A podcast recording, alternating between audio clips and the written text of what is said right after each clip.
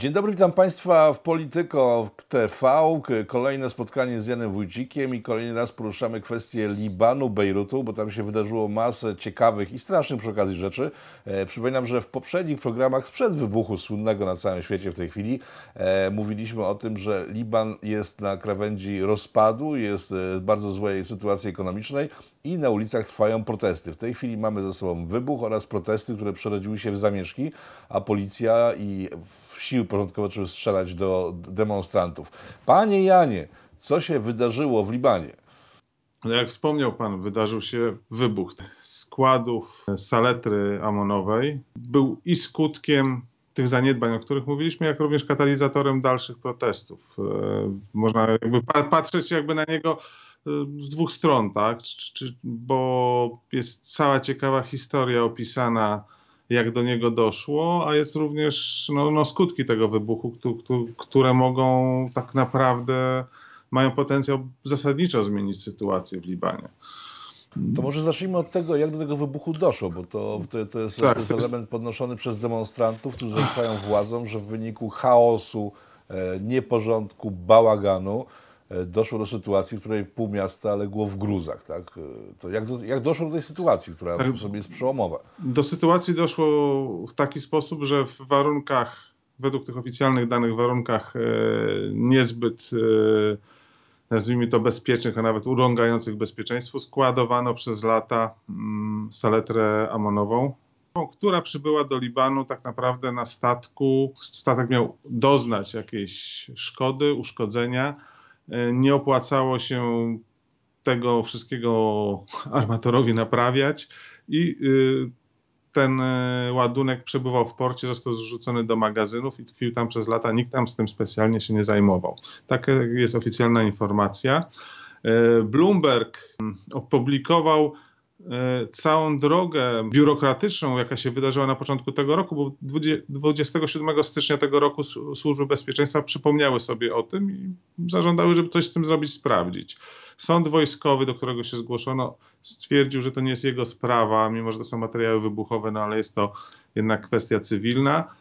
E, sprawa trafiła do prokuratora. 28 maja prokurator miał się tym zająć. 20 lipca trafiło to na biurko premiera rządu Hasana Diaba, który teraz podał się do dymisji w wyniku tego wybuchu, który skierował cztery dni później pismo do Ministerstwa Prac Publicznych, żeby tym się zajęło. Pismo z powodu podobno kwarantanny trafiło na biurko ministerstwa 4 sierpnia, na kilka godzin przed wybuchem. Miało dojść do zapalenia magazynów z powodu podobno spawania, ale tego jeszcze nie wiemy. Trwają e, śledztwa, są różne przedstawiane opinie ekspertów. Na przykład włoski Corriere della Sierra zacytował eksperta, który mówił nam, że ta czerwono-ceglasta chmura to nie pochodziła od zapalenia nawozów, tylko był to lid, który używany jest w rakietach do, jako materiał pędny.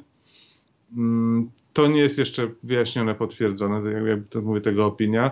Wiele rzeczy też wskazuje na Hezbollah, dlatego że mm, pojawiły się zaraz informacje o e, tym, że służby na przykład brytyjskie, niemieckie czy na Cyprze przechwyciły agentów Hezbollahu, którzy posiadali tam tysiące kilogramów saletry amonowej, która jest z jednej strony nawozem, a z drugiej strony używana jest do konstruowania ładunków wybuchowych własnej roboty. Jest też wypowiedź e, Hasana Nasrallaha, lidera Hezbollahu, który kiedyś przewidywał zdetonowanie w Haifie dużego ładunku właśnie saletry amono, opartego o saletrę amonową, który by miał właśnie, właściwie zmieść ten port e, żydowski.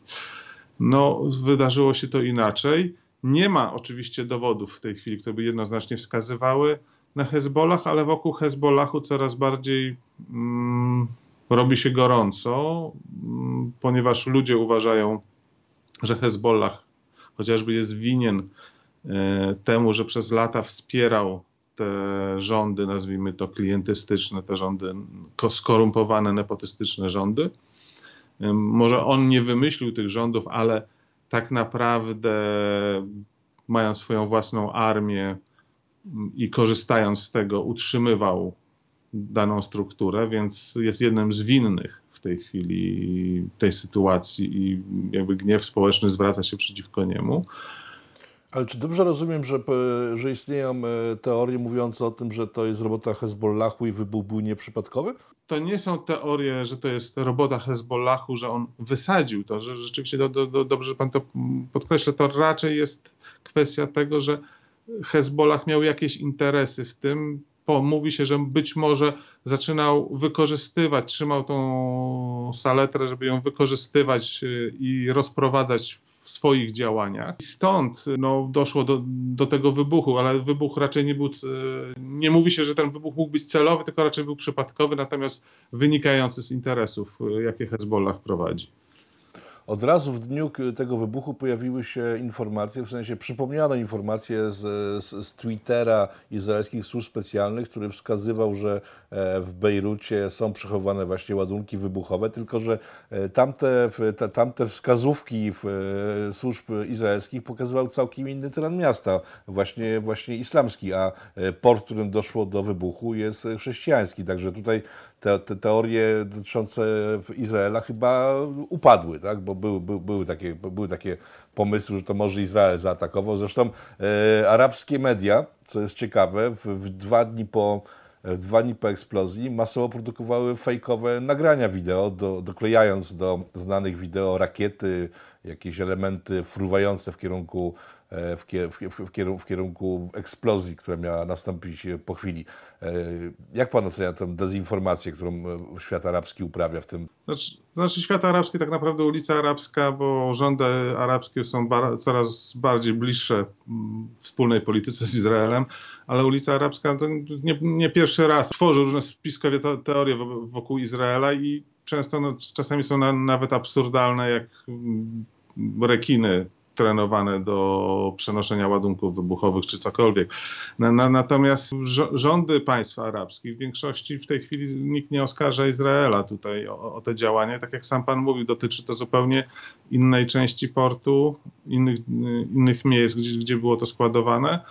A my tu mówimy też nie o wybuchu y, rakiet, tylko na razie mówimy o wybuchu saletry amonowej i podejrzeniu co do składowania tam ewentualnie jakichś materiałów wybuchowych.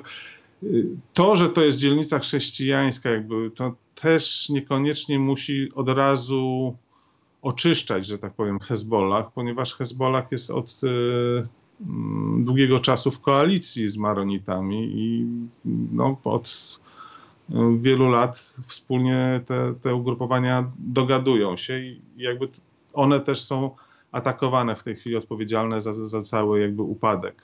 Czyli rozumiem, że, że teorie dotyczące ewentualnego sprowokowanego wybuchu zostały kompletnie już na bok. Wiadomo, że stało się to za sprawą przypadku albo braku ostrożności. Kwestie wybuchu zostały w takim razie z tyłu. Co, jakie są konsekwencje tego wybuchu? Bo te protesty, o których mówiliśmy od kilku miesięcy, nie to, że przybrały na sile, tylko teraz stały się de facto, przerodziły się w zamieszki i w rząd zaczął używać broni stosunku do demonstrantów. Co się wydarzyło po wybuchu, że ta sytuacja tak wygląda? Wybuch, tak jak mówię, też e, miał, miał swoją historię, ale też właśnie skatalizował kolejne protesty, jakby nasilenie się tych protestów. My jeszcze w poprzednim programie mówiliśmy o tym, że e, ulica Libańska chce już zmiany tego systemu klientystycznego, tego podziału na władzy pomiędzy szyitów, sunnitów i chrześcijan. E, chcą bardziej takiej demokracji odpowiedzialnej za całość państwa, ponieważ ten klientelizm generuje korupcję, biurokrację i no, niewydolność państwa, którą widać gołym okiem i w systemie finansowym, i gospodarczym, i w dostarczeniu e, podstawowych usług, jak na przykład energia. Więc te protesty po prostu przybrały na sile. Ludzie coraz bardziej się domagają zmiany. Nawet w tej chwili rząd, który podał się do dymisji, też tak naprawdę pod presją części ministrów, bo nim rząd, premier podał rząd do dymisji, część ministrów już zdążyła odejść. E, to ludziom nie wystarcza. Chcą zmiany systemu, w jakim to państwo funkcjonowało, a nie tylko kolejnej zmiany ministrów. Też wcześniej wierzono, że ten rząd, który tak naprawdę przy, ukonstytuował się w styczniu, czyli dość krótko rządził po, po październikowych protestach, będzie rządem technokratów, jednak no, jak widać nie dał rady sobie z tymi problemami, a problemy są coraz większe. Nie mówię o samych stratach 15 miliardów dolarów, na które się szacuje, ile zniszczono miasto. Zniszczono silosy zbożowe w porcie, jedyne silosy tak naprawdę. Liban jest uzależniony od importu zboża 90-95% zboża importuje głównie z rejonu Czarnego Morza i tak naprawdę według pewnych szacunków w tej chwili jest zboża na około 2,5-3 tygodnie na, na pokrycie zapotrzebowania ludzi. Podobno głodu nie będzie, ale za, zaczynają się trudności, ceny rosną do góry. Jest inny port y, który jest w Trypolisie, ale z uwagi na te sektariańskie podziały pomiędzy szyitami, sunnitami, chrześcijanami, szyici blokowali jego rozbudowę i tam na przykład nie ma silosów, więc rozładunek będzie droższy, będzie wolniejszy i to jest w tej chwili takie bezpośrednie chociażby wyzwanie dla Hezbollah, dla, dla Libanu. Liban jest w dużych trapatach gospodarczych, finansowych, brakuje mu pieniędzy. E, ta sytuacja, 15 miliardów dolarów potrzebne na odbudowę e, miasta, skąd wezmą te pieniądze? Rozumiem, że fundusz e, walutowy już pochylił się nad tematem i ma wreszcie twardy argument, żeby jednak zacząć z nim rozmawiać, tak? Well, e, fundusz, e, Międzynarodowy Fundusz Walutowy rozmawia już od e, początku roku z Libanem, ponieważ w wyniku tego, o czym mówiliśmy, czyli pewnych manipulacji w systemie finansowym, gdzie oskarżano Liban tak naprawdę o piramidę finansową, Liban stracił 30 do 40 miliardów dolarów. Więc to są kolejne pieniądze, których Liban nie ma. I Ale do tej pory Liban się bronił przed funduszem, a w tej chwili bronił, już Tak, bronił się przed funduszem, natomiast fundusz e, coraz bardziej zaciska wymagania. W tej chwili chce już nie tylko przejrzystości, chce audytów w ministerstwach, chce dalej rozbrojenia Hezbollahu, więc e, tak, e, no Liban nie ma za dużo manewru. W dodatku Francja i Stany Zjednoczone zapowiedziały, że nie przekierują środków finansowych, nie wesprą Libanu poprzez polityków, którzy są skorumpowani, bo nie mają zaufania, że te pieniądze w ogóle trafią na odbudowę. Francja w tej chwili być może wspólnie ze Zjednoczonymi Emiratami Arabskimi jest coraz bliższa kontraktowi na odbudowę portu. Pole manewru Libanu jest ograniczone. Z drugiej strony analitycy, eksperci od Libanu mówią też, że problem jest taki, że ten system klientystyczny jest mocno ugruntowany w Libanie. To znaczy nikt nie chce specjalnie ustąpić, żeby inna frakcja nie urosła.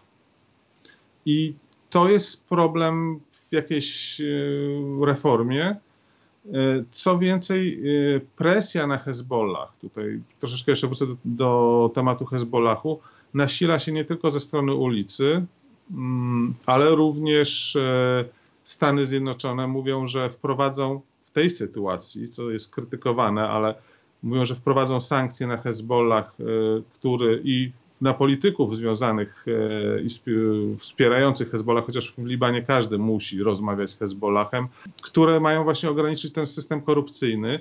Izrael zaczyna też obwiniać Hezbollah i prawdopodobnie może próbować wykorzystać sytuację, e, żeby wejść do Libanu, spróbować oczyścić Liban z Hezbollahu E, wspierany jest przez tym, też przez kraje arabskie, które nie chcą mm, rozwoju Iranu w tym rejonie.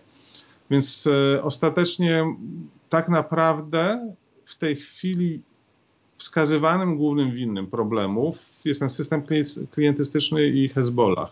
No tak, ale Hezbollah, i też o tym mówiliśmy, jest mitem założycielskim. E, młode pokolenie bardzo się z nim identyfikuje, więc wejście Izraela do tej strefy rozpocznie krwawą rzeź. Tak, może roz, rozpocząć krwawą rzeź, natomiast pytanie, czy biorąc pod uwagę, jeżeli sentyment ulicy będzie bardzo przeciwko Hezbollahowi, dotkną go różne sankcje, e, jest wsparcie krajów e, arabskich, czy nie sunnickich, tak? Czy, czy, czy nie będzie to dla Izraela okazja, żeby pozbyć się no, zagrożenia ze strony północnej? Bo, bo wiem, nie od dzisiaj wiemy, że Hezbollah składuje różne amunicje, rakiety, jest dość dobrze uzbrojony, żeby móc atakować e, Izrael. Zresztą e, to obciążenie, jakim jest Hezbollah, o którym mówiliśmy i pisaliśmy jeszcze, e, ja pisałem później w artykule, e, jest takie, że spowodował jego obecność, rozwój Iranu w, Libanie spowodowała wycofanie się pieniędzy z Zatoki Perskiej. Okazuje się, że około 20% PKB, wpływów do, PKB, do, do gospodarki Libanu pochodziła z Zatoki Perskiej z bezpośrednich inwestycji. To było 75% bezpośrednich inwestycji zagranicznych i 60% pieniędzy, które płynęły od robotników, którzy przesyłali swoje zarobki do domu. To się wszystko skończyło w momencie, jak Iran zaczął coraz bardziej podgryzać e, państwa sunnickie, czy to w Jemenie, właśnie, czy to w, e, konflikt w Syrii, w Iraku. E, nie mówię, że Syria była państwem sunnickim, ale no, wszedł ten konflikt sunnicko-alawicki. Artykuł, o którym wspomniał Pan Jan, znajdziecie Państwo w opisie tego filmu, tam wrzucimy linka. Kończąc trochę temat stricte związany z, z, z Libanem, jak duże są szanse, że Liban stanie na nogi gospodarczo, politycznie? Jaki to okres czasu jest potrzebny do tego, żeby tak się stało? Czy w ogóle jest na to szansa? Czy, czy może to państwo się rozpadnie? Rozpaść jest mu ciężko, bo ono jest dość przemieszane. Natomiast pytanie jest, czy elity znajdą w sobie chęć wycofania się ze swoich pozycji, albo ludzie będą tak zdeterminowani, bo coraz bardziej biednieją, funt jest coraz droższy w stosunku do dolara, więc czy oni znajdą na tyle siły, żeby tą e, strukturę zmienić, bo tylko to daje szansę na poprawę jeżeli te elity, które obecnie rządzą, dostaną pieniądze, żeby dźwignąć Izrael, wszystko po pewnym czasie wróci do tego samego, więc tu szanse są niewielkie. Ewentualnie może siły zachodnie będą w stanie nacisnąć na, na Liban, żeby doszło do jakichś zmian strukturalnych. Jeżeli to będą, bo, jeżeli, bo, bo inna jest sytuacja, jeżeli to będą Chiny na przykład, bo za tym lobuje Hezbollah i Iran, żeby Chiny weszły do Libanu, wykupując porty, wchodzą inwestycyjnie w infrastrukturę, no to Chin niespecjalnie interesuje polityka wewnętrzna kraju. Więc tutaj też zmian nie będzie. Ale też przypomnijmy, że Chiny wchodząc na różne tereny, to jest przykład Pakistanu, inwestują e, w sytuacje, które zwracają im pieniądze, a te państwa nie zarabiają za bardzo na tych, na tych e, instalacjach, drogach e, zbudowanych przez Chińczyków, bo to jest przez nich budowane pod ich potrzeby. To był przykład Pakistanu, który się zorientował, że władował miliardy dolarów w infrastrukturę, która służy de facto Chińczykom i jest niewykorzystywana przez Pakistańczyków. Tak, no raczej z korzyści państw, które niespecjalnie mają wybór, e, są niskie e, z inwestycji chińskich. E, wyjątkiem na przykład jest Maroko, które w tej chwili mm, korzysta na tym, że Chiny coraz bardziej patrzą na ten kraj pod kątem inwestycyjnym, ale Maroko ma do wyboru jeszcze Stany Zjednoczone, Francję, Hiszpanię i wiele innych możliwości, więc jest w stanie tutaj rozgrywać. Natomiast ktoś, kto, kto dostanie się pod kuratele Chin, to może wiele z tego nie skorzystać. Amerykanie mają ciekawą propozycję dla Libanu. Na czym ona polega? E, to znaczy, to nie jest jeszcze propozycja samych Stanów Zjednoczonych, natomiast e, amerykański think tank Cato Institute zauważył, że Liban miał problem z tym, że dodrukowywał pieniądze przy kursie sztywno podłączonym do dolara, co spowodowało właśnie wiele problemów finansowych, o których mówiliśmy w poprzednim odcinku i to można odsłuchać. Natomiast e, zauważył link też. Link w opisie. Link w opisie, tak. Natomiast zauważył też, że 75% depozytów, e, jakie Libańczycy mają w bankach libańskich, są w dolarze, więc zasugerował, że może sytuacją na uzdrowienie Libanu jest przejście Libanu na dolar. Kiedyś tak zrobił Ekwador, to znaczy yy, rząd w, w tym momencie nie ma możliwości drukowania pieniędzy, więc musi budżet się bilansować yy, i kurs tym momencie jest bezpieczne. Oczywiście jest to jest mniejsza inflacja, tak, no bo, bo to jest inflacja dolara. Więc jest to sposób na uzdrowienie kraju, aczkolwiek wymaga tak naprawdę od obywateli zaciśnięcia pasa. No tak, ale oddanie waluty w, w ręce innego państwa to jest utrata dużej części suwerenności. Czy, czy, czy władze byłyby skłonne pójść na ten pomysł? Mm, ja myślę, że, że władze Libanu nie będą chcieli, chciały pójść na ten pomysł, ponieważ same dość dużo zarabiały na, na tym, ponieważ mogą drukować pieniądze. Pierwsze były jakby w kolejce do otrzymywania tych środków finansowych i dysponowania nim one traciły na wartości. Więc e, tutaj na przykład są bardzo duże oskarżenia wobec szefa Banku Centralnego e, Libanu, który według organizacji badającej korupcję i przestępczość e, wypompował około 100 milionów dolarów do różnych spółek w Europie i jest oskarżony o to, on mówi, że jest otwarty na badanie, on sobie nie ma nic do zarzucenia, ten majątek zgromadził, nim, nim został szefem banku centralnego. E, był nim przez trzy dekady, więc nie wiem kiedy, ale no, to pokazuje, że te elity dość e, dobrze żyły z, z, tej sytuacji nieprzejrzystości w Libanie. Mówi się o tym, że przez ten port, który wybuchł, przechodziło na lewo, używając kolokwializmu, 800 milionów dolarów rocznie. E, wspomnieliśmy o Francji, to było moje pytanie, które, które chcę zadać na koniec naszego spotkania. E, Macron pojawił się automatycznie, wręcz z godziny na godzinę po, po, po, po, po eksplozji. E, Macron zdaje się ma dużą chrapkę, żeby no, nie to, że odzyskać kolonię, tak, ale pozyskać e, jakieś tereny dla siebie. Przecież w Brazylii, kiedy, kiedy panowały e, pożary, też się zgłosił do Brazylii, że jest w stanie wysłać wojsko, żeby uregulowało ten, te, te, te, te, te kwestie. E, w co gra Francja w tym wszystkim? Bo ona jest najbardziej chyba ruchliwa dyplomatycznie w, w, w, w ostatnich miesiącach. No przede wszystkim pamiętajmy, że historycznie Liban jest, powstał dzięki Francji jest to najbardziej frankofoński kraj na Bliskim Wschodzie, więc Francja chce, chce wrócić na Bliski Wschód, bo po, przypomnijmy, że została z, z Iraku i z Syrii częściowo wypchnięta.